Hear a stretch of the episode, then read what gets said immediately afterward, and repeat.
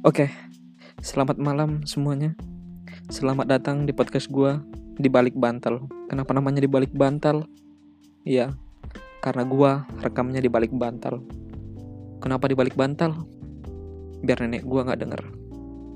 Soalnya kalau nenek gua dengar, takutnya di join. enggak enggak.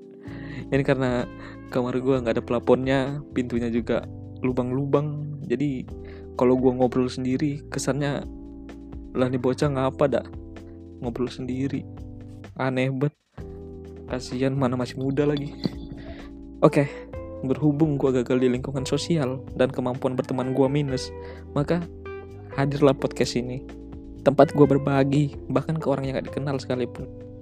Kadang cerita ke stranger lebih plong aja gitu lebih care lebih didengar juga. Beda kalau cerita ke temen mereka punya masalah hidupnya sendiri. Bahkan terkadang mereka terlalu lelah untuk mendengarkan cerita kita. Ya maklum sih. Emang udah waktunya fokus ke hidup masing-masing.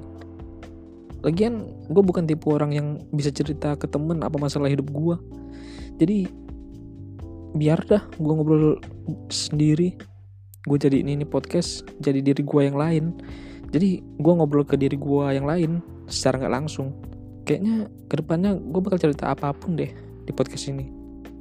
Jadi teman curhat yang pastinya nggak bakal motong cerita gue pakai lah lu masih mending oke sekian. Makasih